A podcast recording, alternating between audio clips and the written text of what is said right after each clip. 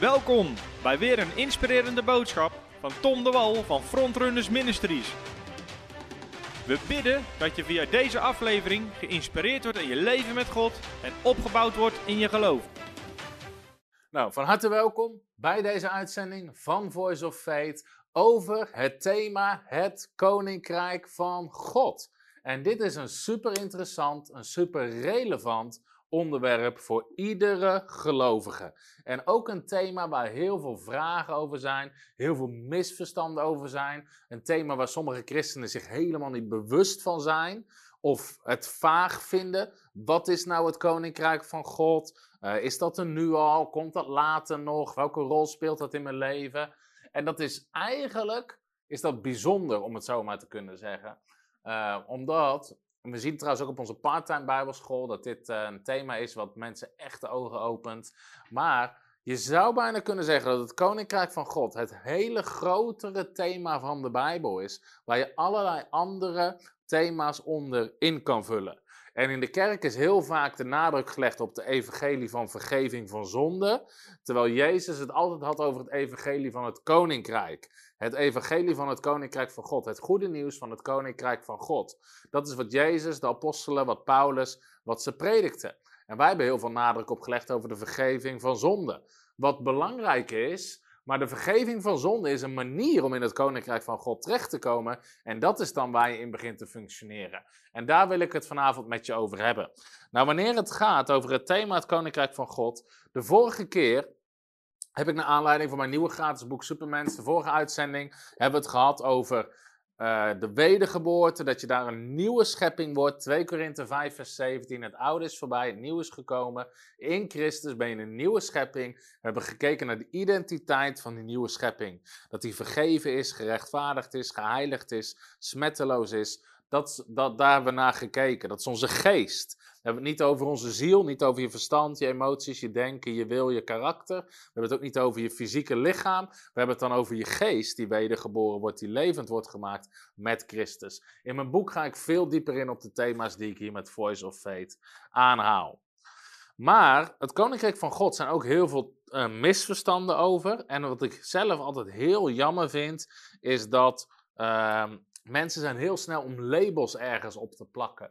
En wanneer je praat over het koninkrijk van God, is een valkuil of is een gevaar dat mensen een label op je plakken en dat label is Kingdom Now. En dan zeggen ze ja, hij onderwijst over het koninkrijk, dus dat is Kingdom Now, dus dat is dwaalleer. En ik geloof niet dat het goed is. Want wat je dan doet is, je plakt ergens een label op. Dan vervolgens kijken we niet naar wat zegt iemand meer, want ik heb gewoon dat label erop geplakt. Ik heb iemand in een hokje gestopt. Vervolgens ga ik op dat hokje schieten en ik schiet altijd raak. Maar ik geloof niet dat dat de bedoeling is, dat dat, dat, dat goed is. Um, kijk, het feit is, de Bijbel, Jezus, de apostelen spreken heel veel over het koninkrijk van God. Het is nu aan ons om te dekken, waar is het koninkrijk van God? Wanneer is het koninkrijk van God? Welke rol speelt het koninkrijk van God in mijn leven? En we gaan erachter komen dat de Bijbel daar heel erg duidelijk over is. Dus het zou fijn zijn als mensen hun labels, hun vooroordelen aan de kant leggen en gewoon eens kijken wat zegt de Bijbel over dit thema. Nou, ik denk waar het mis is gegaan, dan ga ik alvast even een hele grote stap vooruit, is dat wat er op een gegeven moment gebeurd is in de wereldgeschiedenis, is dat de kennis die werd verheven, het verlichtingsdenken, kennis, redenatie, etc. En wat we creëerden in het Westen was een platte aarde, om het zo maar te zeggen.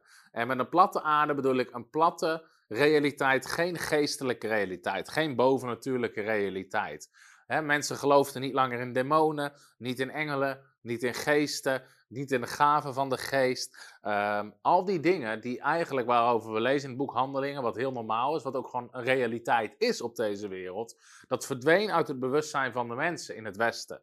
In andere culturen, zoals Afrika, Azië, Zuid-Amerika, zie je dat dat bewustzijn er nog veel meer in zit. Wat is er toen gebeurd? Uh, is ook het evangelie is deels losgekoppeld van hier en nu op aarde. Dus verge ja, je zonden werden vergeven. En later op een dag ging je naar de hemel en was je bij God. Maar hier zat je nou eenmaal op die fysieke aarde en moest je wachten tot het over was. Een beetje dat idee. Um, maar het feit is dat het koninkrijk van God is hier op aarde. En daar wil ik het over hebben. En dat is hier nu al. En later in de toekomst zal dat er ook zijn. Nou, um, Het koninkrijk van God, wat belangrijk is om te beseffen, en daar gaan we het vanavond over hebben, is het is de leefwereld van jouw nieuwe schepping. Hè? Die nieuwe schepping, die nieuwe creatie, die nieuwe supermens, die is onderdeel geworden van het koninkrijk van God. Dat is nu al zo. En ik ga je dat laten zien uit het woord van God. En we gaan verder kijken naar wat is het koninkrijk en hoe werkt het. En je mag je vragen stellen en ik ga proberen om ze zo goed mogelijk te beantwoorden. Oké, wat is even belangrijk om te beseffen? Waarom haal ik dit aan in het begin van zo'n label van Kingdom Now? Omdat er zijn mensen die plakken ergens, zodra het gaat over het koninkrijk van God, plakken ze er een sticker op en zeggen ze: nee, dat is Kingdom Now, daar moet je niks mee te maken willen hebben. En een valkuil aan zo'n label is dat als je ergens Kingdom Now op plakt, het koninkrijk nu, dan zeg je maar het koninkrijk is er nu nog niet.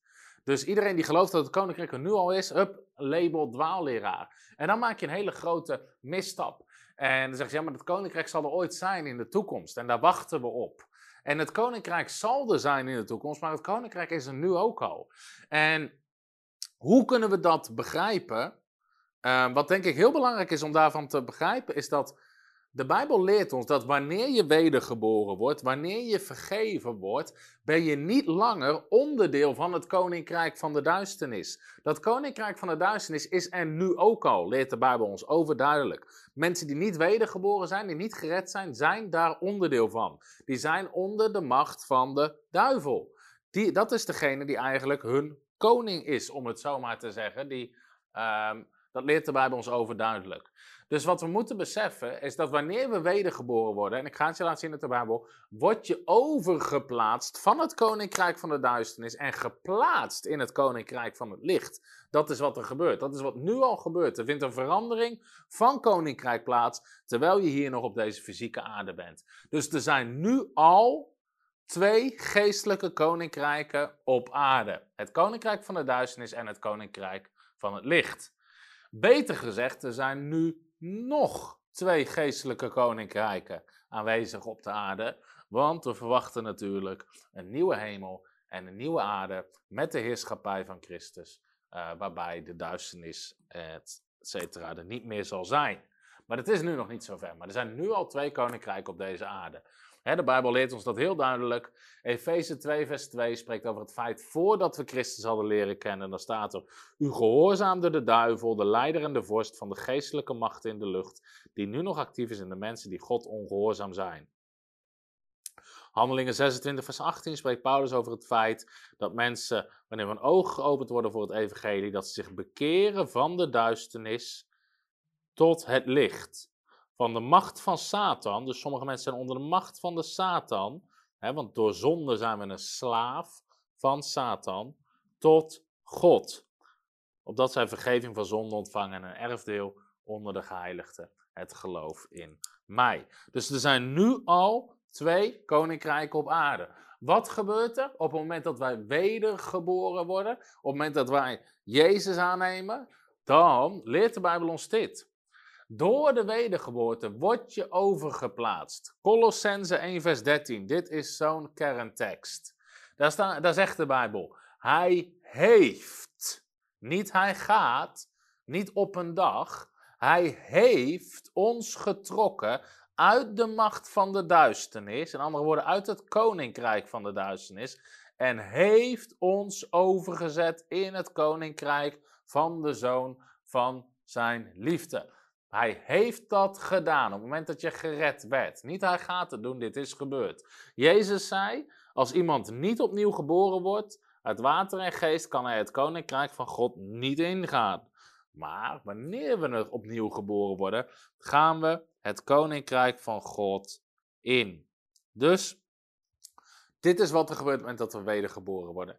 En ik zei al, en je kan het in je eigen Bijbel gaan bestuderen, maar dit thema dat mensen een verandering maken van koninkrijk.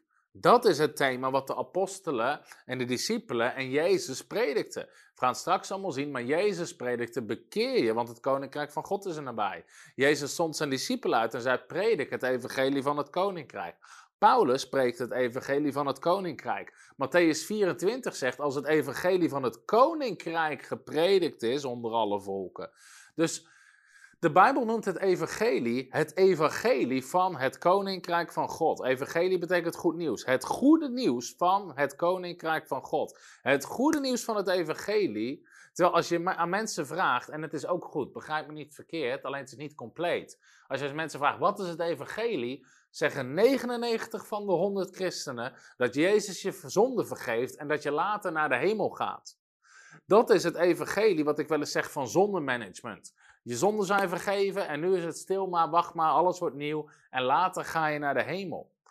Uh, maar de Bijbel leert ons over het evangelie van het koninkrijk. Wat is het evangelie van het koninkrijk? Wat is het evangelie? Jezus vergeeft je je zonde. Je wordt een nieuwe schepping. En die nieuwe schepping is onderdeel geworden van het koninkrijk van het licht. En je bent getrokken uit het koninkrijk van de duisternis. Er is een nieuwe koning over je leven. Dat is Jezus. Dat is God. Je bent in een hele nieuwe leefwereld terechtgekomen. Je bent geestelijk. Is alles veranderd in je leven. En ik weet niet eens waarmee je het zou kunnen vergelijken in het natuurlijke. Je zou kunnen zeggen, het is alsof je van, uh, van Nieuw-Zeeland naar Canada verhuist. Of van Afrika naar Noorwegen. Dat is een gigantische verandering. Een ander land, andere mensen, alles om je heen is anders. Maar de verandering van het ene koninkrijk naar het andere koninkrijk is nog veel groter. En straks krijg je gelegenheid om je uh, vragen ook te stellen uh, om dat te doen. Nou, laten we eens even kijken naar het Koninkrijk van God. En ik wil eerst eens kijken naar waar het Koninkrijk van God, dat dat een thema is wat je door de hele Bijbel ziet.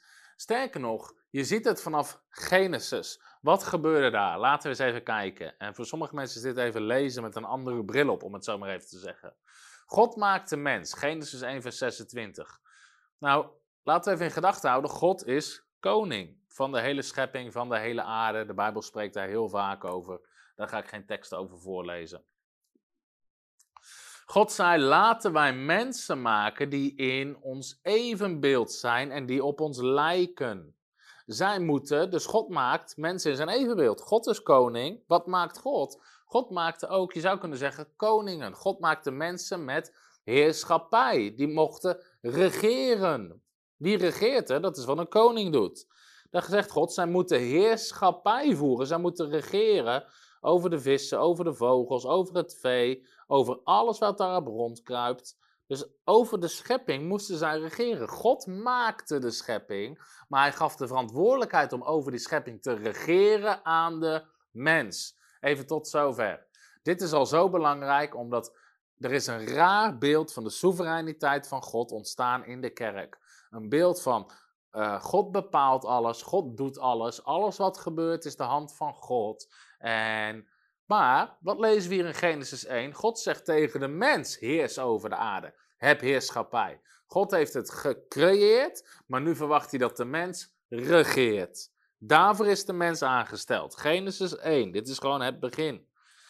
Oké, vers 27. God schiep de mens als zijn evenbeeld. Als het evenbeeld van God schiep hij hem. Mannelijk en vrouwelijk schiep hij de mensen. Hij zegende de mens. Dat is een bekrachtiging om uh, te doen wat God ze voor gemaakt had. En zei: Wees vruchtbaar, word talrijk, bevolk de aarde en breng haar onder je gezag. Breng haar onder je heerschappij. Dus God zegt eigenlijk: Wees koning over de aarde. Heers over de vissen, over de vogels, over alle dieren die op de aarde zijn. Breng de aarde onder je gezag. Dat is de opdracht van God aan de mens. En dan staat er, Genesis 2 vers 8, en God plaatste ze in het oosten, in Ede, in een tuin. Nou, dat is de hof van Ede. Wat zien we hier? Dit is zo belangrijk, want hier zie je dat wat God eigenlijk doet, hij plaatst Adam in een koninkrijk, om het zo maar even te zeggen. Wat zien we hier? God is koning en hij maakt mensen in zijn evenbeeld en zijn gelijkenis. Nou, als een koning iets maakt in zijn beeld en zijn gelijkenis, dan maakt hij andere koningen. Niet van hetzelfde orde, niet van dezelfde grootte, maar God maakt de mensen wel in zijn beeld en gelijkenis. Hij geeft die mensen heerschappij. In andere woorden, hij laat ze regeren over de aarde. Wie regeert er? Een koning. En hij geeft ze een gebied. Heb ik die hierbij staan? Nee. God geeft de mens zijn zegen en autoriteit om te regeren. En je zou er nog onder kunnen zeggen, God geeft ze een specifiek gebied. Dus net zoals een koning, die heeft altijd een gebied waar hij over regeert. Als we even een natuurlijk voorbeeld pakken, koning Willem-Alexander heeft een gebied waarover hij regeert. Nou is onze monarchie is een iets ander systeem, want we hebben een regering, et cetera. Maar het punt is, als Willem-Alexander de grens overrijdt naar België of naar Duitsland of naar Frankrijk en even gaat vertellen daar wat ze moeten doen, of daar even met de regering even wil zeggen hoe en wat, dat werkt niet. Dat is niet zijn gebied. Dat is niet wat hem is toebedeeld, om het zo maar te zeggen.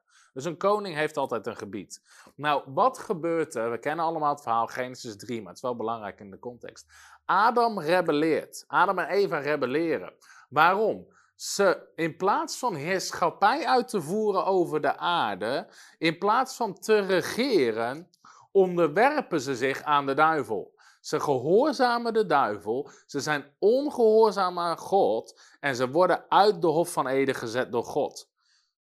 Dat is wat er gebeurt. Met dat dat gebeurt, heeft eigenlijk Adam zijn autoriteit, om het zo maar te zeggen, weggegeven aan de duivel. De Bijbel leert ons, hij werd een slaaf, een slaaf van de zonde en hij nam de hele mensheid daarin mee. En de duivel begint ook te regeren op deze aarde. De Bijbel noemt hem de God van deze wereld. En, uh, en hij heeft hier een koninkrijk, leert Jezus ons in Matthäus 12. Hè? Een koninkrijk wat tegen zichzelf verdeeld is. Um, het punt is, God profeteert in Genesis hoofdstuk 3. Ik weet niet of ik die hierop heb staan. Ja, laten we deze maar even lezen. Door zonde en rebellie wordt de mens uit de hof gezet en raakt deels Gods beeld en gelijkenis kwijt. En komt onder de heerschappij van Satan. Dat is punt 1.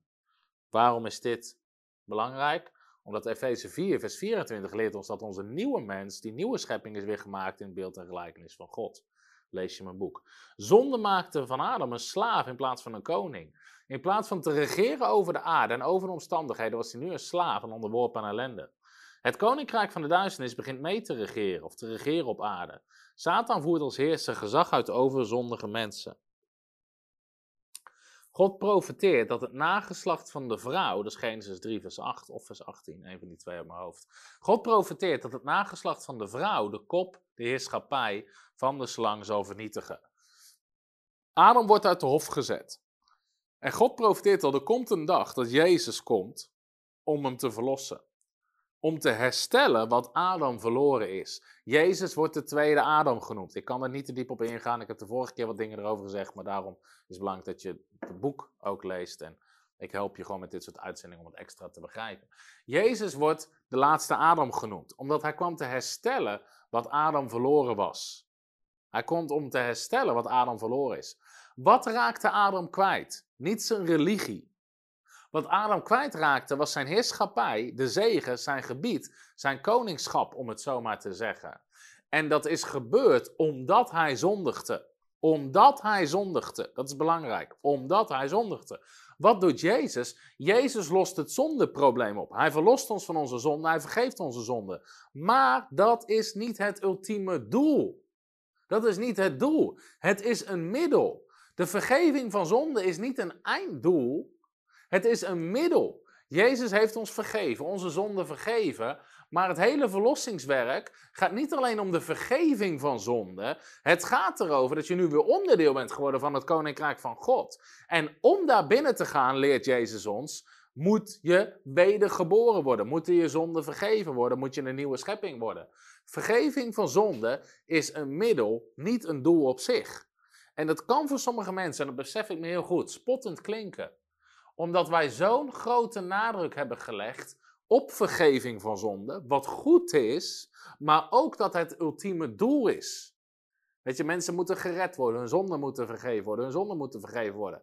Ja, dat klopt, dat is stap 1, maar dat is de manier om het koninkrijk van God binnen te gaan. En dan heb je een heel nieuw leven in het koninkrijk van God. En daar is God het om te doen. Hij wil weer relatie met de mens, wat Adam ook kwijtraakte. Oké. Even tot zover. Wat gebeurt er in de rest van Genesis en de rest van de Bijbel? Dit is super interessant. En ik, ik, weet je, mijn verlangen is ook gewoon dat mensen goed het woord van God leren kennen. Dat is wat we doen met frontrunners, mensen discipelen onderwijzen. In Genesis 10 en 11, ik sla even een paar hoofdstukken over, we gaan niet heel de Bijbel behandelen. wordt de toren van Babel gebouwd. Maar God verspreidt alle volken over de aarde, waardoor allerlei koninkrijken ontstaan. Verhaal ken je wel, hè? God verwart de talen. Wat gebeurt er in Genesis 12? God roept Abraham en belooft uit zijn nageslacht koningen voor te laten komen. Maar God belooft hem ook het land, het beloofde land, en zegt: Ik zal je nageslacht een land geven en er zullen koningen uit je voortkomen. Dat is wat God belooft aan Abraham. In Genesis 15 kan je al lezen dat God zegt: Je nageslacht zal 400 jaar in slavernij zitten, dat is het volk Israël. Ik zal ze verlost zijn in het beloofde land brengen. Op het moment dat God het volk verlost, dit is een hele belangrijke tekst, dus ik hoop dat je meeschrijft en meestudeert. Op het moment dat God het volk verlost, dus dit is, de, dit is Exodus 19, dat is na de uittocht van Egypte, dan zegt God dit. Nu dan, als u nauwgezet mijn stem gehoorzaamt en mijn verbond in acht neemt, dan zult u uit alle volken mijn persoonlijke eigendom zijn, want heel de aarde is van mij. U dan, u zult voor mij een koninkrijk van priesters. Priesters, mensen die God dienen. U zult een koninkrijk van priesters en een heilig volk zijn. Dat was het doel van God met het volk Israël en met de koninkrijken die daaruit ontstonden. Nou, vervolgens lees je natuurlijk, en dan komt de tijd uh, met Jozua nemen het beloofde land in. Dan komen de richteren en uiteindelijk komen dan de koningen. Beginnen met een Saul, een David, een Salomo, etc. Het doel van God was dat deze koninkrijken typebeelden zouden kunnen zijn. Een soort uh, voorbeeld zouden zijn van het koninkrijk van God. Want dat was Gods plan. Hij zegt, hey, jullie zullen mijn koninkrijk van priesters zijn. Maar wat lezen we?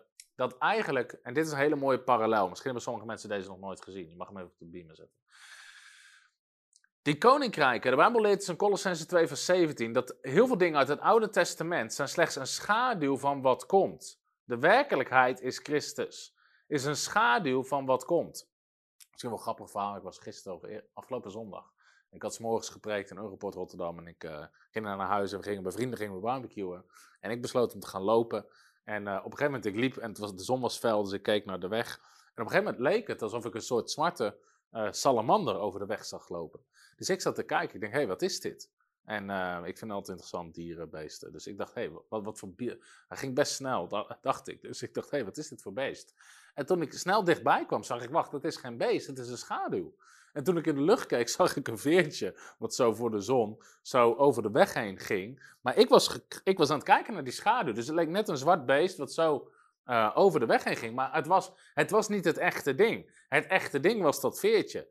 Dit was slechts een schaduw. Nou, heel veel dingen uit het Oude Testament, leert de Bijbel ons, zijn slechts schaduwen waar het echt om gaat. Het verwijst uiteindelijk naar Jezus en het verlossingswerk van Jezus. Nou, die type beelden, die koninkrijken onder David, Salomo, dit zijn type beelden van schaduwen van het koninkrijk van God. Maar door zonde en ongehoorzaamheid komt het volk weer in ballingschap. Misschien heb je dit nog nooit gezien. Zoals Adam en Eva werden verbannen uit de hof, wordt Gods volk verbannen uit hun koninkrijk. Dan krijg je de ballingschap. de Assyriërs, et cetera. Dan komt de ballingschap en Gods volk wordt meegenomen uit het land. En dan krijg je de profeten zoals Daniel, Ezekiel, et cetera. Maar dan zie je eigenlijk opnieuw een ballingschap, wat ook weer verwijst naar Genesis. Door zonde, ongehoorzaamheid en rebellie verliezen ze dat koninkrijk en komen ze in ballingschap terug. Als dit nieuw is voor je, zeg dan: Dit is nieuw voor mij. Is misschien voor mensen een mooi beeld wat ze nu zien.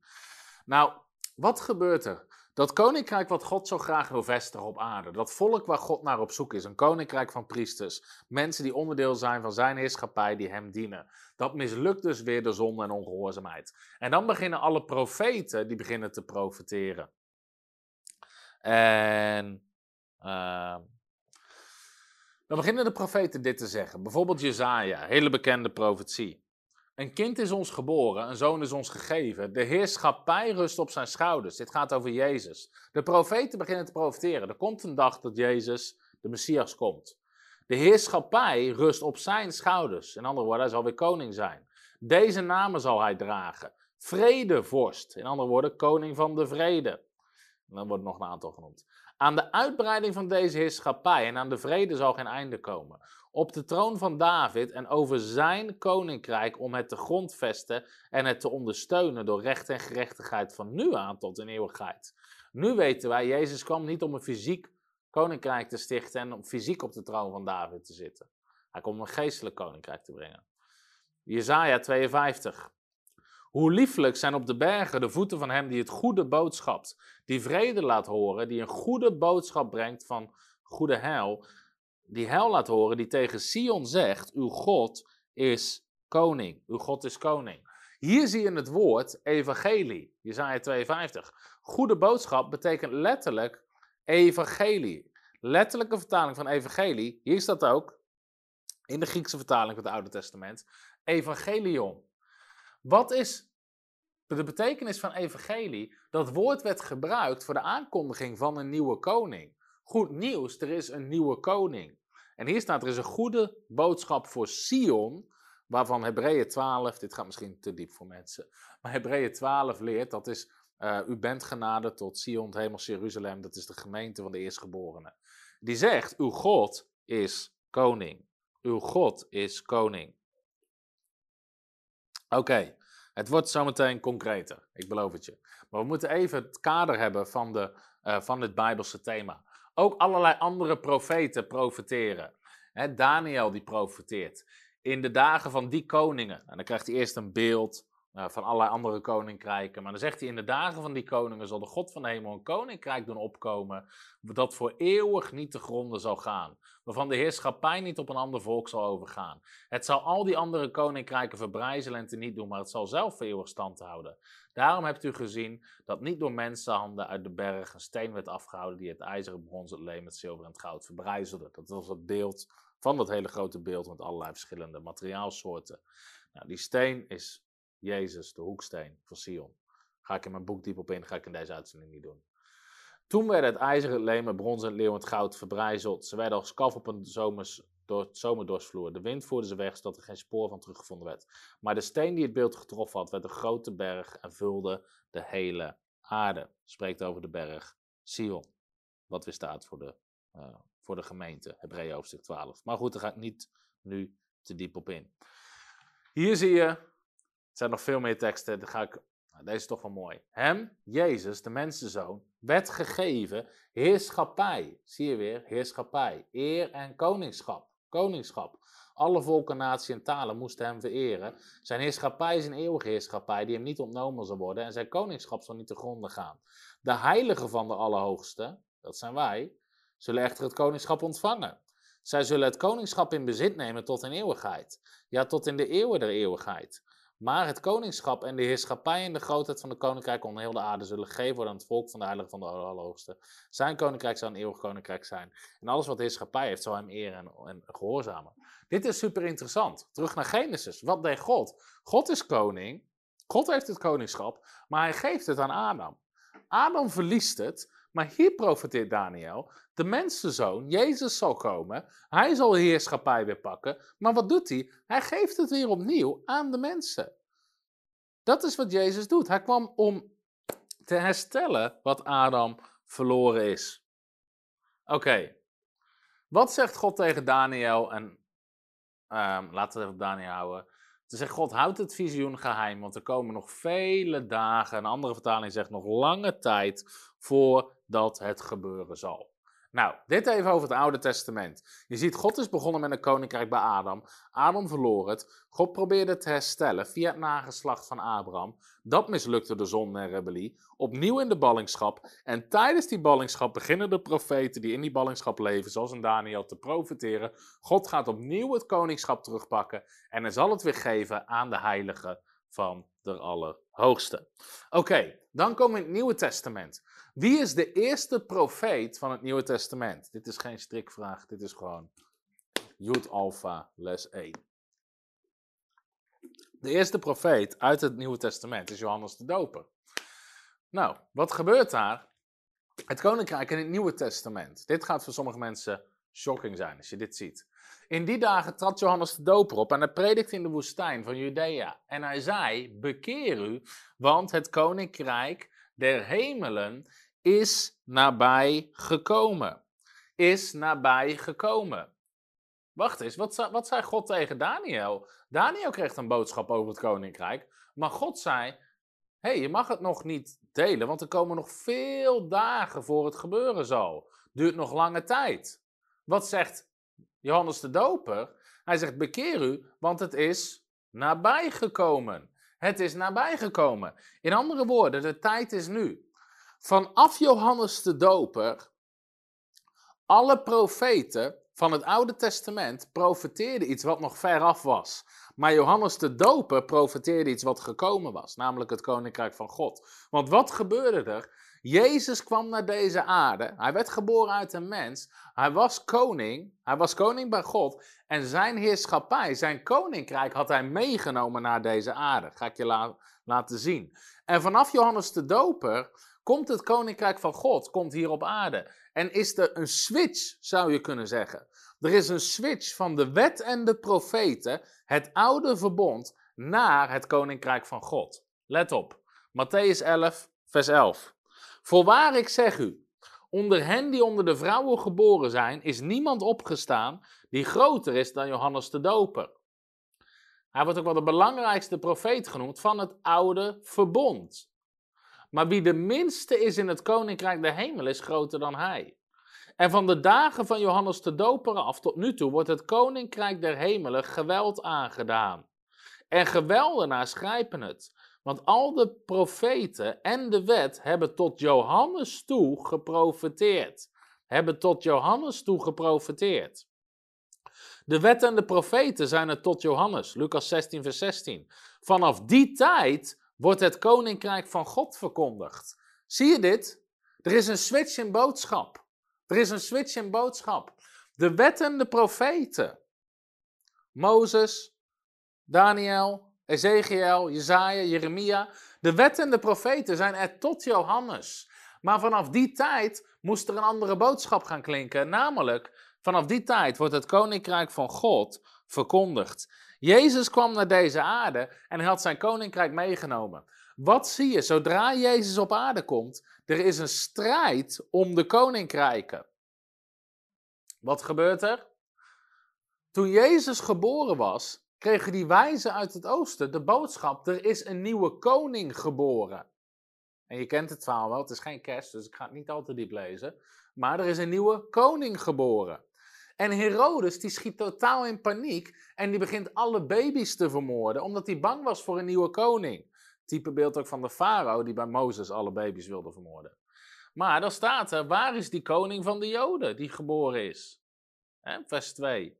Dus je ziet daar begint een strijd om die koninkrijken. En de duivel die probeert te verhinderen dat Jezus koning wordt door alle kinderen te doden. Maar door de leiding van God, ehm, door de leiding van God, vluchten ze daaruit. Wat gebeurt er hierna? Wat doe je met een koning? Een koning werd gezalfd tot koning. Een koning werd gezalfd tot koning. Dan staat er dit.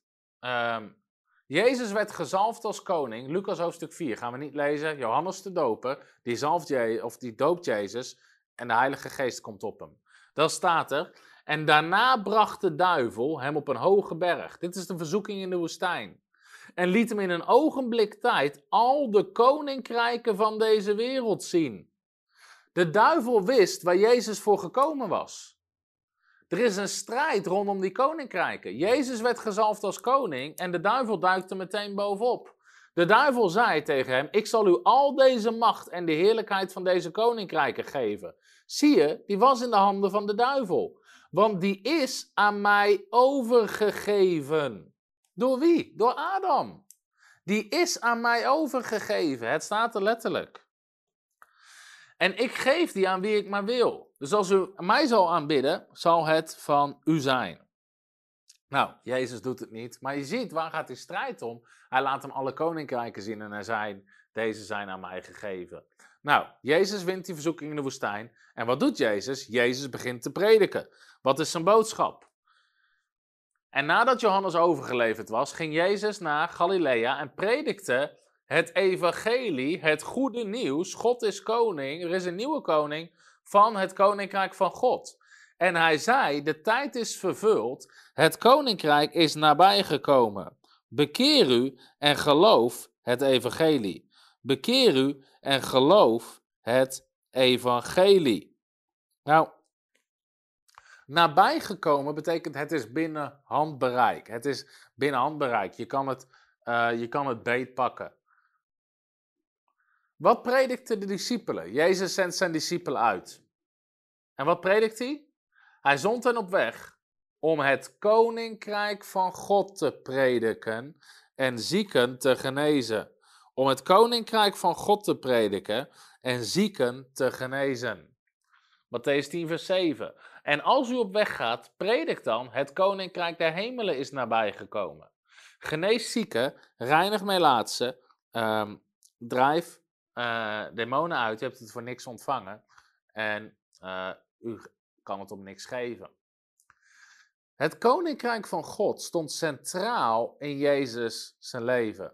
Hij predikte het koninkrijk, hij zond zijn discipelen uit om het koninkrijk te prediken. En ondertussen was het koninkrijk van de duisternis was hier ook actief. Bij het koninkrijk van de duisternis, bij het koninkrijk van de duivel hoort zonde, ongerechtigheid, demonie, hè, demonen, uh, ziekte, al die dingen, dood, hoort allemaal bij het koninkrijk van de duisternis. En Jezus stuurt zijn discipelen op weg, zegt het koninkrijk van God is hier gekomen. Nu genees je zieken, nu reinig je melaatsen. En hij gaat tegen dat koninkrijk van de duisternis in. En hij zendt zijn discipelen daarvoor uit. Het is vaak een gevecht van koninkrijk tegen koninkrijk. Je hebt de duivel met zijn heerschappij. Hij probeert mensen uh, in de macht van de zonde te houden. Hij probeert mensen kapot te maken. De Bijbel noemt hem een mensenmoordenaar vanaf het begin. Hij maakt mensen ziek, handelingen 10 vers 38. Mensen hebben demonen. Dat is allemaal onderdeel van het koninkrijk van de duisternis. Het trieste, of het, het goede nieuws is, het is geen onderdeel van het koninkrijk van God. Het trieste is dat veel christenen dat niet geloven en willen dat we allerlei dingen uit het koninkrijk van de duisternis accepteren in ons leven. Maar je ziet dat Jezus geen constante strijd aan van het koninkrijk. Matthäus 4, vers 23. Jezus trok rond in heel Galilea, gaf onderwijs in een synagoge, predikte het goede nieuws van het koninkrijk van God. Hij genas elke ziekte en elke kwaal onder het volk. Waar Jezus het koninkrijk van God bracht, verdween ziekte. Lucas 11, vers 20. Als ik door de vinger van God, uh, Matthäus zegt dan door de geest van God, de demonen uitdrijf, dan is het koninkrijk bij u gekomen. Dan is het koninkrijk bij u gekomen. Jezus zegt, dan heeft het koninkrijk van God, het koninkrijk van de duisternis overwonnen. Die demonen zijn uitgedreven, zijn verdreven. Gods heerschappij is daar gekomen. En de Bijbel leert, het koninkrijk van God is niet in woorden, maar in kracht. 1 Korinthe 4, vers 20.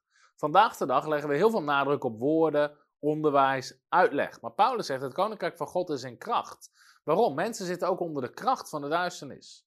En het brengt vrede, rechtvaardigheid en vreugde in de Heilige Geest. Vrede, shalom, betekent ook heelheid in de Heilige Geest. Ik ga straks aan het einde uh, vragen beantwoorden. Oké. Hier zie je, Jezus spreekt het evangelie van het koninkrijk. Hij zendt zijn discipelen uit om het evangelie van het koninkrijk te preken. Het koninkrijk stond centraal in alles wat Jezus deed. En ook in ons leven. En dat koninkrijk is er dus nu al. Jezus zei, als ik nu demonen uitdrijf, is het koninkrijk van God bij u gekomen.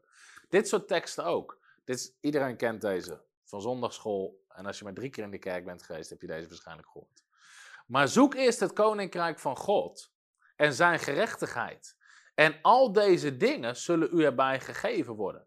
Dit is de opdracht voor iedere christen. Zoek eerst het koninkrijk, de heerschappij van God en zijn gerechtigheid. En al die andere dingen worden je erbij gegeven.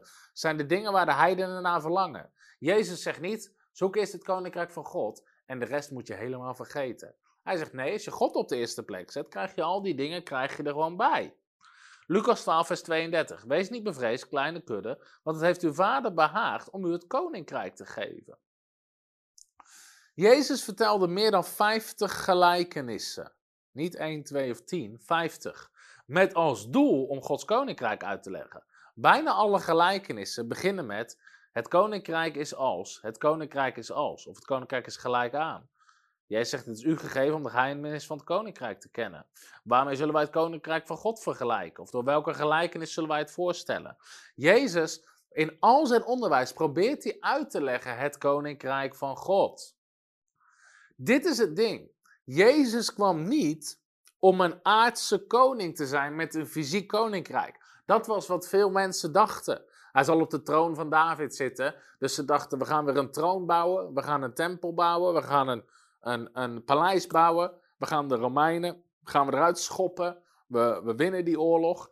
En ze, probeerden, ze, ze hebben zelfs geprobeerd om Jezus onder geweld koning te maken.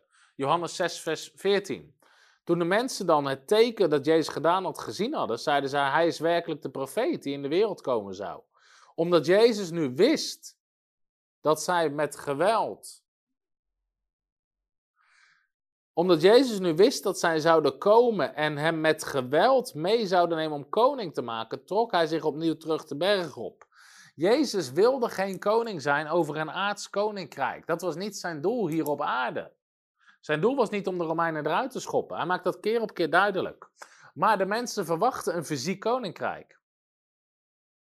Toen de Farizeeërs gevraagd werd, en toen hem door de Farizeeërs, dus Farizeeërs stelden de vraag: wanneer komt het koninkrijk van God? Antwoordde hij hun en zei: Het koninkrijk van God komt niet op waarneembare wijze. Het komt niet op zichtbare wijze. Men zal niet zeggen: zie hier of zie daar. Dus het is niet zo van: oh, het ligt op die plek of het ligt op die plek. Want zie, het koninkrijk van God is binnenin u. Een andere vertaling zegt: Het koninkrijk van God is onder u. Het is een geestelijk koninkrijk. Het is binnenin jou, in jouw wedergeboren geest. En het is onder jou. Het is al hier op aarde en jij kan veranderen van geestelijk koninkrijk. Nou, dit is wat Jezus, dit hebben al gezien over de wedergeboorte. Zelfs Pilatus vroeg Jezus vlak voordat hij stierf: Bent u de koning van de Joden? Jezus antwoordde: Alles gaat om het koninkrijk. Mijn koninkrijk is niet van deze wereld, want als mijn koninkrijk van deze wereld was, had ik gestreden met mijn dienaars opdat ik niet aan de Joden overgeleverd zou worden. Maar nu, mijn koninkrijk is niet van hier. Mijn koninkrijk is niet van hier. Oké.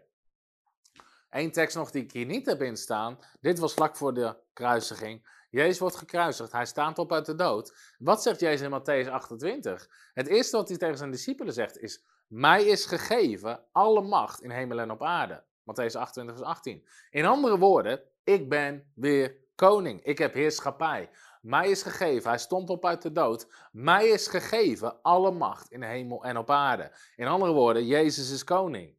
En wat doet hij? Hij zegt: Ga daarom en maak alle volken tot mijn volgelingen, tot mijn discipelen. Eigenlijk doet Jezus weer hetzelfde als Genesis 1. Hij is koning en hij geeft meteen weer mandaat. Hij geeft meteen weer heerschappij aan zijn mensen. Hij zegt: Nu gaan jullie. Dit is interessant. Hoe zit het in het boek Handelingen? Ik heb die er ook niet in staan.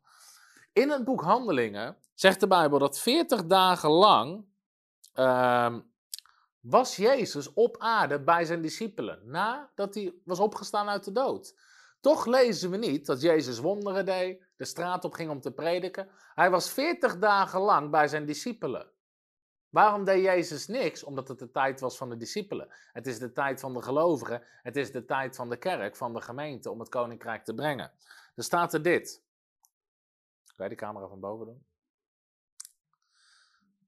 Hij heeft zichzelf, nadat hij geleden had, ook levend aan hem vertoond met veel onmiskenbare bewijzen. Veertig dagen lang. Waarbij hij door hen gezien werd en over de dingen sprak die het koninkrijk van God betreffen. Wat legde Jezus die veertig dagen lang uit? Het koninkrijk van God. Het koninkrijk van God. En ook in handelingen is dat het centrale thema. Wat predikte Filippus? Handelingen 8 vers 12. Toen zij Filippus geloofde die het evangelie van het koninkrijk van God en de naam van Jezus Christus verkondigde, werden zij gedoopt, zowel mannen als vrouwen. De doop en het koninkrijk hebben met elkaar te maken. Matthäus 28, Jezus mij geven alle macht op hemel op aarde, maak alle volken op mijn discipelen en doop ze. Uh, maar goed, daar ga ik in mijn boek op in, ga ik hier niet meer doen. Handelingen 20 vers 25. Dit is Paulus.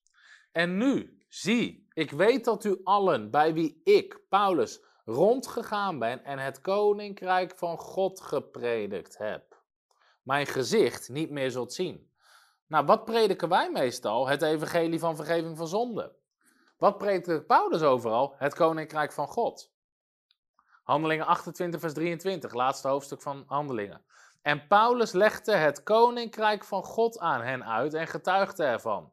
Hij predikte het koninkrijk van God en gaf onderwijs over de, over de Heer Jezus Christus. Met alle vrijmoedigheid, ongehinderd. Dus hier zie je, en ik zou veel meer teksten kunnen laten zien, maar ik pak er even drie. Wat ze constant onderwijzen is het koninkrijk van God. Johannes de Doper predikt het, Jezus predikt het, hij zond zijn discipelen uit om het te prediken, hij legt het nog uit in handelingen. Uh, al, alle predikers in handelingen, Filippus, Paulus, etc., predikten het koninkrijk van God. Het koninkrijk van God. In andere woorden, het koninkrijk van God is er nu al. Is er nu al. En het zal er in de toekomst ook zijn. Daarom spreekt de Bijbel ook over het koninkrijk in de toekomst. Petrus zegt: Zo zal u in rijke mate de toegang worden verleend tot het eeuwig koninkrijk van onze Heer Jezus Christus en Zaligmaker. Wat bedoelt Petrus hiermee? Hierdoor staat de verwarring. Sommige mensen zeggen: Zie je, het koninkrijk is er nog niet. Pas als je sterft krijg je daar toegang toe. Nee, Petrus, het is hier nu al. Dat maakt de Bijbel meer dan duidelijk. Het is raar als jij zegt: Zoek eerst het koninkrijk van God als het er niet is. En zo al die andere teksten. Jij zegt: Het is onder u, het is in u. In andere woorden, je bent hier al onderdeel geworden van het koninkrijk van God. En op het moment dat je sterft, dat jouw lichaam stopt, krijg je in de eeuwigheid ook gewoon toegang tot het koninkrijk van God. Ga je gewoon verder, leef je verder in Gods heerschappij. Wat zegt Petrus nog meer? Want um, dit toont aan dat Petrus niet dacht dat het iets was voor de toekomst.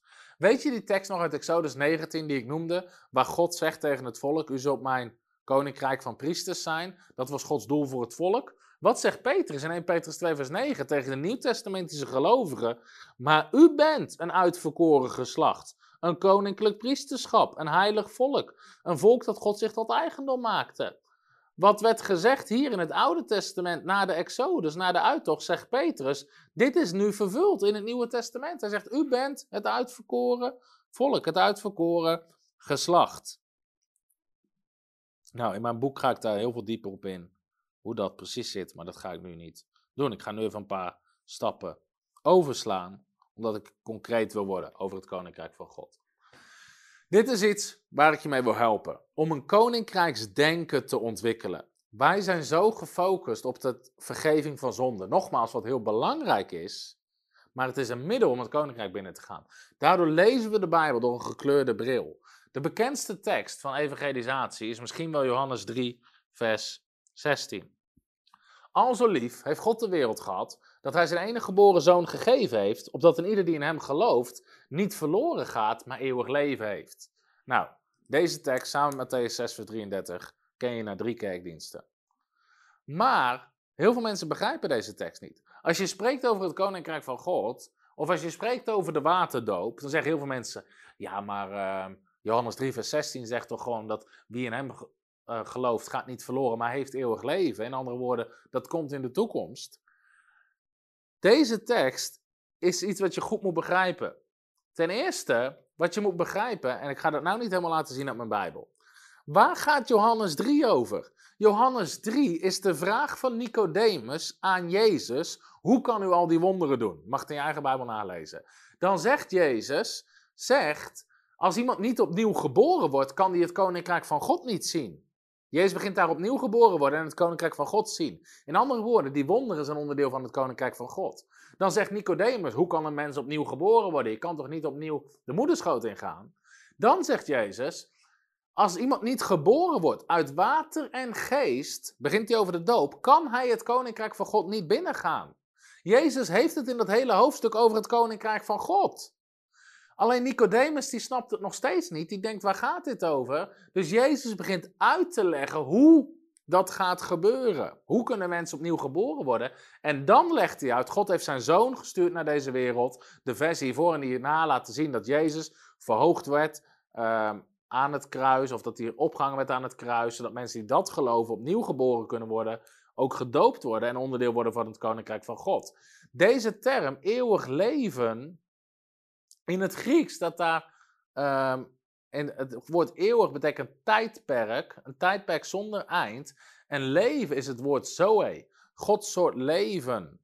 Dus eigenlijk zegt Jezus hier ook, hij spreekt over het koninkrijk. Dat een ieder die in mij gelooft niet verloren gaat, maar Gods soort leven ontvangt, wat nu al begint. Je, je wordt onderdeel van een heel ander tijdperk, om het zo maar te zeggen, van een eeuwig koninkrijk. Dat is waar Jezus over spreekt. Zoe is Gods soort leven, met vergeving, rechtvaardiging, al die dingen meer. Daarom zijn er ook teksten of bijbels, de, ehm, eh, dit is een, ik haal deze ook aan in mijn boek. Andere vertalingen vertalen hem zo. Dit is hoeveel God van de wereld houdt, genoeg om zijn enige speciale zoon te geven, zodat ieder die in hem gelooft niet verloren gaat, maar zou delen in het leven van Gods nieuwe tijdperk. In andere woorden, onderdeel zou zijn van het koninkrijk van God. Nou, ik heb niet helemaal de tijd om hier uh, heel diep op in te gaan, maar dit toont even aan dat wij moeten een koninkrijksdenken ontwikkelen. Wij zitten zo met een beperkte bril vaak iets te kijken, terwijl het grotere thema van de Bijbel is het koninkrijk van God. Oké, nu even concreet. Over het koninkrijk. Even kijken. Ik ga hier even beginnen. Wat is het evangelie van het koninkrijk? Dus we zijn niet geroepen, of tenminste, natuurlijk, nogmaals, het evangelie van zondevergeving is heel belangrijk. Alleen het grotere plaatje is het koninkrijk van God. En jij zegt, predik het koninkrijk van God. Wat is het koninkrijk van God? Dit. Wat is het evangelie van het koninkrijk? Het goede nieuws van het koninkrijk is, je hoeft niet langer onder de heerschappij van de Satan te leven. Je hoeft niet langer meer te delen in die fout van Adam. Er is een heel nieuw leven beschikbaar in Gods koninkrijk, waar vergeving, rechtvaardiging, verzoening, vrede, liefde, genezing, bevrijding en heelheid, al die attributen van Gods koninkrijk bij horen. Jij bent daar nu al onderdeel van geworden en zal daar tot in de eeuwigheid onderdeel van zijn. Zolang je nog op de huidige aarde bent, mag je het koninkrijk van God verspreiden, zichtbaar maken en inwoners werven. Dit is het goede nieuws van het koninkrijk. Je hoeft niet langer onderdeel te zijn van het koninkrijk van de duisternis en alles wat daarbij hoort. Je kan een heel nieuw leven krijgen in een heel nieuw koninkrijk als je opnieuw geboren wordt, dat koninkrijk binnengaat. En dan kom je in dat andere koninkrijk terecht. En dan heb je een heel nieuw leven. Je bent echt uit dat oude systeem gehaald. Nou, wat is een koninkrijk? Dit is gewoon even heel simpel. Uh, maar gewoon even het natuurlijke. Wat heeft een koninkrijk? Een koning. Een gebied. Wetten, regels, principes. Inwoners met identiteit. Betaalsystemen. Zou, zo zou je nog meer dingen kunnen opnoemen. Dit zijn eigenschappen van een koninkrijk. Nou, voorheen was onze koning was Satan. Dat was degene waar we aan onderworpen waren.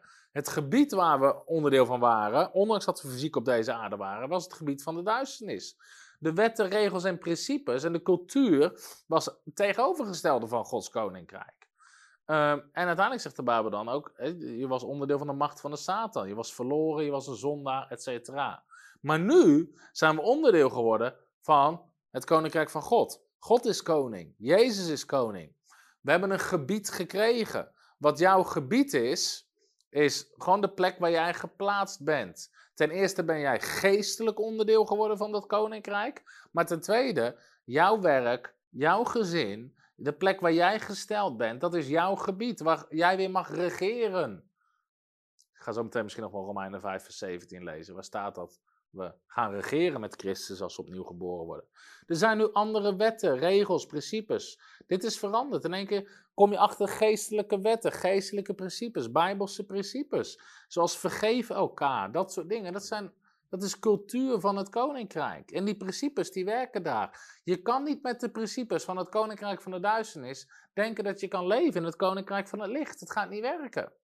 Je hebt, bent een inwoner geworden van het koninkrijk met de identiteit, je bent een nieuwe schepping. Er is een betaalsysteem, zou je kunnen zeggen. Er is een manier waarop dingen werken. Denk aan de kracht van woorden.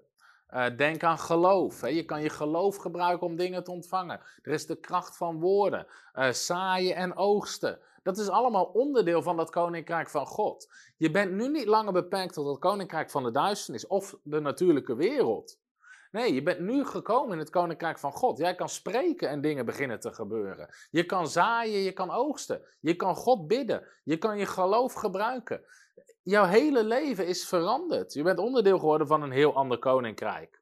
En het doel van Jezus is dat het koninkrijk zichtbaar wordt op deze aarde. Uw koninkrijk komen, uw wil geschieden, zoals in de hemel, ook op aarde. In iedere kerk bidden ze dit bijna iedere zondag. Alleen de vraag is: geloof je het? Dit was het gebed van Jezus, Matthäus 6, vers 10. Uw koninkrijk komen, uw wil geschieden, zoals in de hemel, zo op aarde. Dat is wat Jezus ons heeft leren bidden. Uh, nou, je moet niet denken dat Gods koninkrijk hier op aarde al is. Je moet wachten tot de hemel. Uw koninkrijk komen, uw wil geschieden, zoals in de hemel, zo op aarde. Je hoeft niet later te wachten in de hemel, dan heeft dit gebed geen zin meer. Jezus zei: Ik zal je de sleutels van het koninkrijk geven. Hij geeft ons autoriteit in dat koninkrijk. Wat wij binden op aarde, zo in de hemel gebonden zijn. We zijn geroepen om dat koninkrijk hier te brengen. Ga ik nu ook niet te diep op in. En de bedoeling is dat het koninkrijk zichtbaar wordt, dat dat verspreidt. Een andere gelijkenis hield hij me voor. Het koninkrijk der hemel is gelijk aan een mosterdzaadje. Dat iemand nam en in zijn akker zaaide. Het is het kleinste van al de zaden, maar als het opgegroeid is, wordt het het grootste. Het koninkrijk van God is als zuurdeeg. Een vrouw nam het en tot het hele meel doorzuurd was. Het evangelie van het koninkrijk zal in de hele wereld gepreekt worden tot getuigenis voor alle volken. Oké, ik heb nu niet uh, tijd om hier nog heel veel langer op in te gaan. Maar ik wil nog één tekst lezen. Romeinen 5, vers 17. Voor het geval dat ik niet genoeg teksten in deze Voice of Fate. Dus dat mensen zeggen. Hij heeft het niet op de Bijbel gebaseerd. Dan weet ik niet welke 10 seconden van deze uitzending jij gemist hebt. Romeinen 5, vers 17. Hier gaat het om. We zijn geroepen om weer uh, met Christus. Uh, Christus heeft de heerschappij met ons gedeeld. Romeinen 5, vers 17. Als door de overtreding van de ene, dat is Adam. Zie je, het gaat telkens weer over Adam en Christus en dat God dat herstelde. De dood geregeerd heeft door die ene, door Adam. Veel meer zullen zij, dat zijn wij, die de overvloed van genade, er is een overvloed van genade, van Gods gunst naar jou, en van de gave van gerechtigheid, je bent gerechtvaardigd in dit leven, in het leven regeren door die ene, namelijk Jezus Christus. Jij kan weer in dit leven regeren samen met Christus. Jij hebt weer heerschappij. De duivel, de duisternis, hoeft niet langer over jouw leven te regeren. Met zonde, met ongerechtigheid, met allerlei patronen, met ziekte, met demonie, met armoede, met tekort. Dat is onderdeel van het koninkrijk van de duisternis. Nu ben je onderdeel van het koninkrijk van het licht en nu hoort dat niet meer bij jou. En nu mag jij gaan regeren met Christus. En nu kan je zieken genezen. Nu leef je in Gods voorziening. Nu kan je spreken en dingen gebeuren. Nu leert Jezus je om bergen te verplaatsen. Nu ben je een nieuwe schepping die niet langer onder de macht van de zonde leeft. Je leeft niet langer onder de vloek. Al die dingen laat ik zien in mijn boek. Snap je? Er is een hele nieuwe leefwereld. Dat is het evangelie van het koninkrijk. Jij bent niet zoals andere mensen die nog onderdeel zijn van het andere koninkrijk. Je hebt een hemelse koning die betrokken is in je leven en dat verandert je hele leven. Je bent getrokken uit de macht van de duisternis. Nou, wat is er gebeurd in de kerk? Wat hebben we voornamelijk gepredikt? Vergeving van zonde. Stil maar, wacht maar, alles wordt nieuw. Je moet wachten en op een dag ga je naar de hemel. En, en het is allemaal waar. Alles wordt nieuw op een dag. Onze zonden zijn vergeven en op een dag zijn we in de hemel. Maar het is niet zo dat we stil maar wacht maar en in een klein hoekje blijven zitten. We zijn nu geroepen om dat evangelie van het koninkrijk te prediken, om het koninkrijk zichtbaar te maken, om Gods heerschappij, om God als koning te vertegenwoordigen op deze aarde. En te laten zien wat er allemaal onderdeel is van zijn koninkrijk. Als je hier vragen over hebt, dan uh, mag je ze stellen. En wie weet ga ik ze beantwoorden. En ik weet dat dit een vrij. Aan de ene kant is dit een hele diepe studie, aan de andere kant een hele snelle studie. Ik wil je echt aanmoedigen, luister deze preek gewoon eens vijf keer in een week. En je gaat je beseffen dat dat koninkrijk van God steeds meer onderdeel wordt van je leven, van je identiteit. En dat je beseft, ik ben niet langer onderdeel van de duisternis, ik ben niet langer onderdeel van het wereldse systeem. Wat andere mensen raken, hoeft mij niet te raken. Ik ben een kind van God. God is koning. Hij is mijn vader. Ik ben onderdeel van het koninkrijk van het licht. En nu kan ik hier functioneren. En nu mag ik leren om te regeren met Christus over zonde, over de aanvallen van de duivel. En ik mag zelfs zijn koninkrijk verspreiden op aarde. Paul stelt een vraag en ik heb hem denk ik al een paar keer beantwoord, maar ik zal hem nog een keer beantwoorden. Tom, ik heb vaak gehoord over het Koninkrijk van God, maar dacht altijd dat het refereerde naar nieuwe aarde en nieuwe hemel. Is dat ook deel van het Koninkrijk? Ja, als je de studie even van het begin terugluistert, um, daar ga ik daarop in. Ja, dat is ook onderdeel. Het is een eeuwig koninkrijk. Je bent er nu al onderdeel van geworden. Op het moment dat je hier de aarde verlaat, ehm, ga je door naar het hemels koninkrijk. En we verwachten een nieuwe hemel en een nieuwe aarde. Uh, maar je bent nu al onderdeel van dat koninkrijk van God. Dat is wat Colossens 1 vers 13, we hebben toevallig voor staan. Hij heeft, niet hij gaat, hij heeft ons getrokken uit de macht van de duisternis, uit het koninkrijk van de duisternis en overgezet in het koninkrijk van zijn liefde. Iemand vraagt, een andere vraag, zetten jullie de uitzending op, op Spotify? Ja, daar staan ze ook op. Oké. Terwijl mensen nog vragen kunnen stellen, ja, de Bijbel noemt ons inderdaad ambassadeurs van Christus. 2 Korinthe 5, vers 21. Uit mijn hoofd. 20. 20. Dus onderdeel van het koninkrijk. Ik ga zo meteen nog meer vragen bestellen. Uh, vragen beantwoorden als die er zijn. En ik hoop tot nu toe dat je genoten hebt van het onderwijs, dat je gezegend bent. En ik wil je vragen, uh, ik wil je ook de kans geven om gewoon te geven. En je kan sowieso eenmalig geven aan onze bediening. We staan op het moment voor een aantal dingen in geloof. We zijn ook bezig met een nieuw gebouw. We geloven dat God daar machtig in gaat voorzien. Er komen al prachtige giften binnen. Laatst gaf weer onverwacht iemand 50.000 euro. Enorm gezegend. En uh, we, zijn, uh, we zijn God daarvoor aan het geloven. Maar als je nog geen partner bent, wil ik je eerst van harte uitnodigen. Word partner van Frontrunners. Help ons op maandelijkse basis mee om het Koninkrijk van God te bouwen, te verspreiden. Mensen te discipelen via onze Bijbelscholen, via de gratis boeken. Om je te bedanken krijg je ook de hardcover van Superman. We hebben een hele mooie hardcover met uh, mooie leeslinten die erin zitten. En daar willen we je sowieso mee bedanken. En alle nieuwe boeken die ik schrijf, krijg je gratis. Als je nog geen partner bent, kan je partner worden. Misschien ben je partner, zeg je, hé, hey, ik vind het gaaf, ik wil mijn partnerschap uh, verhogen. Um, maar als je partner bent, krijg je alle nieuwe boeken gratis. En je kan een account maken op www.bijbelschool.tv, waar onze hele part-time bijbelschool staat. Dus ik wil je daar van harte voor uitnodigen. En uh, we staan ook in geloof voor een paar honderd extra partners. Het heeft ook te maken met het nieuwe gebouw. We hebben ook een voltijdschool school willen starten. Mensen te trainen, om kerken te starten, bedieningen te starten, bedrijven te starten. Um, een positie in te nemen in de maatschappij. Dus we geloven ook dat dat een instrument wordt in de hand van God om um, het Koninkrijk van God in Nederland te brengen. Ik geloof, God is nog niet klaar met Nederland. God heeft een plan voor Nederland. En God wil dat mensen in Nederland uh, Jezus leren kennen, onderdeel worden van het Koninkrijk van God, gaan wandelen in hun roeping. God wil dat de kerk in vuur en vlam gaat staan, dat de kracht van de Heilige Geest terugkomt. En wij zetten ons daar voor 100% voor in, om daaraan mee te bouwen. En een van de dingen waardoor we dat doen, is natuurlijk, we hebben de gratis boeken, conferenties, parttime bijbelscholen, spreekbeurten, trainingen, van alles en nog wat. Maar we gaan ook een voltijdschool starten. En voor die voltijdschool van een ander gebouw nodig waar we nu mee bezig zijn. En dan gaan we gewoon studenten uitzenden. Um, dus dat.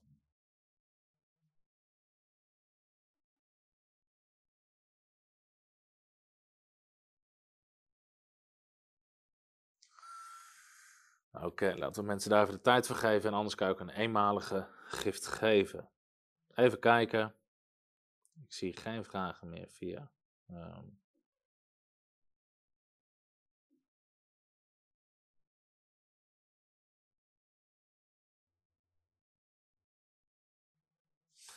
Ik zie een vraag van Wilma over genezing van haar zoon. Uh, Wilma, ik wil je van harte uitnodigen om het boek Jezus aanraken te lezen. Niet hebt gedaan over genezing. We hebben ook genezingsdiensten. En er komt een healing school aan. Die is binnen drie weken als het goed is online. We zijn nu helemaal aan het klaarmaken. Uh, op Bijbelschoppen TV gewoon gratis. Maar dat uh, leren we echt hoe je genezing kan ontvangen. Ook voor bijvoorbeeld je zoon. want inderdaad, um, Weet je, aan de ene kant, God kan je kracht geven om het te dragen, maar ik geloof het ook de wil van God om te genezen. Tim Hartman vraagt of ik Miles Monroe ken. Niet persoonlijk, hij is ook overleden, maar ik, ik ken zijn onderwijs, ja.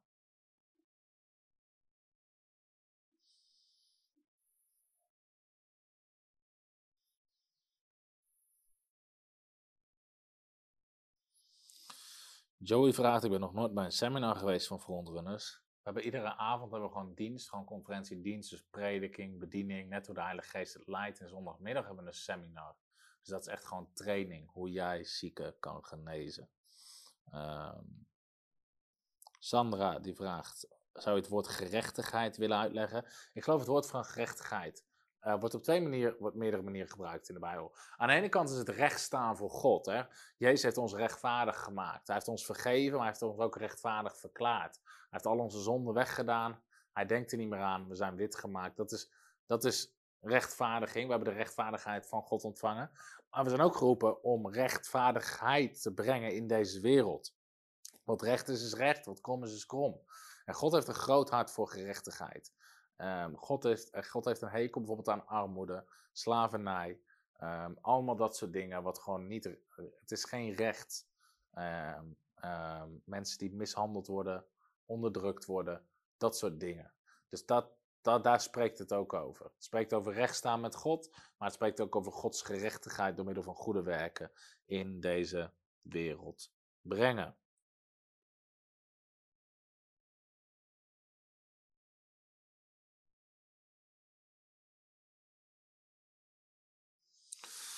Even kijken. Um, Arie verwacht Tom, geloof je nog dat de kerk, of verwacht je nog dat de kerk weer in de fik komt te staan? Maar leven niet in de eindtijd waarin we, waarin we Jezus wachten en er een grote afval komt. Ik geloof de opdracht is niet veranderd. Maak alle volken tot mijn discipelen. En Handelingen 2 zegt, het zal zijn in de laatste dagen dat ik zal uitstorten van mijn geest op alle vlees. Dus ik geloof absoluut ook dat, um, weet je, de Bijbel zegt, als al duisternis over de aarde, uh, weet je, duisternis is op de aarde, maar over ons zal de heerlijkheid van God gezien worden.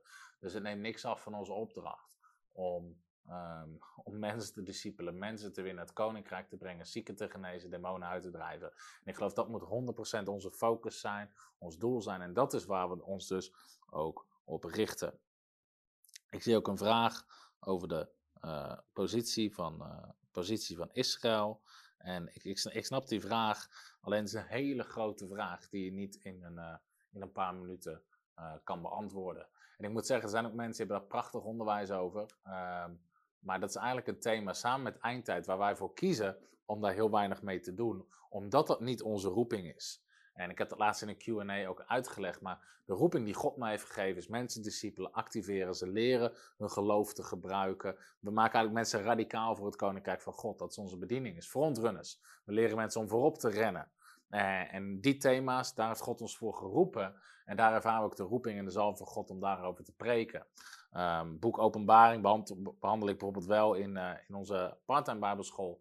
Uh, maar verder spreek ik daar uh, eigenlijk niet over. Er zijn mensen die dat echt ervaren als hun roeping, uh, die daar heel goed onderwijs over hebben. Maar iedereen moet blijven bij de roeping waar God hem of haar eh, voor geroepen heeft. Penin stelt een vraag over genezing. Ik wil je aanmoedigen, lees mijn boek Jezus aanraken. Dat is een heel ander thema. We hebben heel veel onderwijs over genezing. Maar het is de wil van God om altijd iedereen te genezen. En daar kan ik nu niet te diep op ingaan, maar uh, dat is heel duidelijk wat de Bijbel, het Nieuwe Testament ons leert. Oké, ik zie verder geen vragen. Dan uh, was dit het. God zegen. En uh, tot de volgende keer bij Voice of Faith. Tot de Greater Power Conference. En we zien eruit om weer bij elkaar te komen. En ehm, en gewoon samen op te trekken voor het Koninkrijk van God. God zegen. Wil jij geestelijk groeien, je roeping ontdekken, ontwikkelen in onderwerpen zoals Gods stem verstaan, genezing en bevrijding? Volg dan nu de Frontrunners Bijbelschool op www.bijbelschool.tv. Ga in je eigen tijd en tempo door de 150 videolessen met handouts heen en volg zo een parttime Bijbelschool. Door dit onderwijs word je toegerust om op je bestemming te komen en komt je hele geestelijke leven tot bloei. Start vandaag op www.bijbelschool.tv. Hallo, Tom de Wol hier en bedankt dat je weer geluisterd hebt naar onze podcast. Ik bid dat het je geloof gebouwd heeft en je bemoedigd bent. Als je niet alleen een luisteraar van onze boodschap wil zijn, maar ook een verspreider daarvan, wil ik je uitnodigen om partner te worden van Frontrunners. Door jouw maandelijkse donatie help je ons om dit evangelie van Jezus Christus en het woord van God over heel de aarde te brengen. Om partner te worden ga naar www.frontrunnersministries.nl slash partners en word partner. Hartelijk bedankt en tot snel. Heb je ook zo genoten van deze inspirerende boodschap van Tom de Wal? Abonneer je dan op deze podcast Volg ons op Facebook en op Instagram en kijk op onze website frontrunnersministries.nl.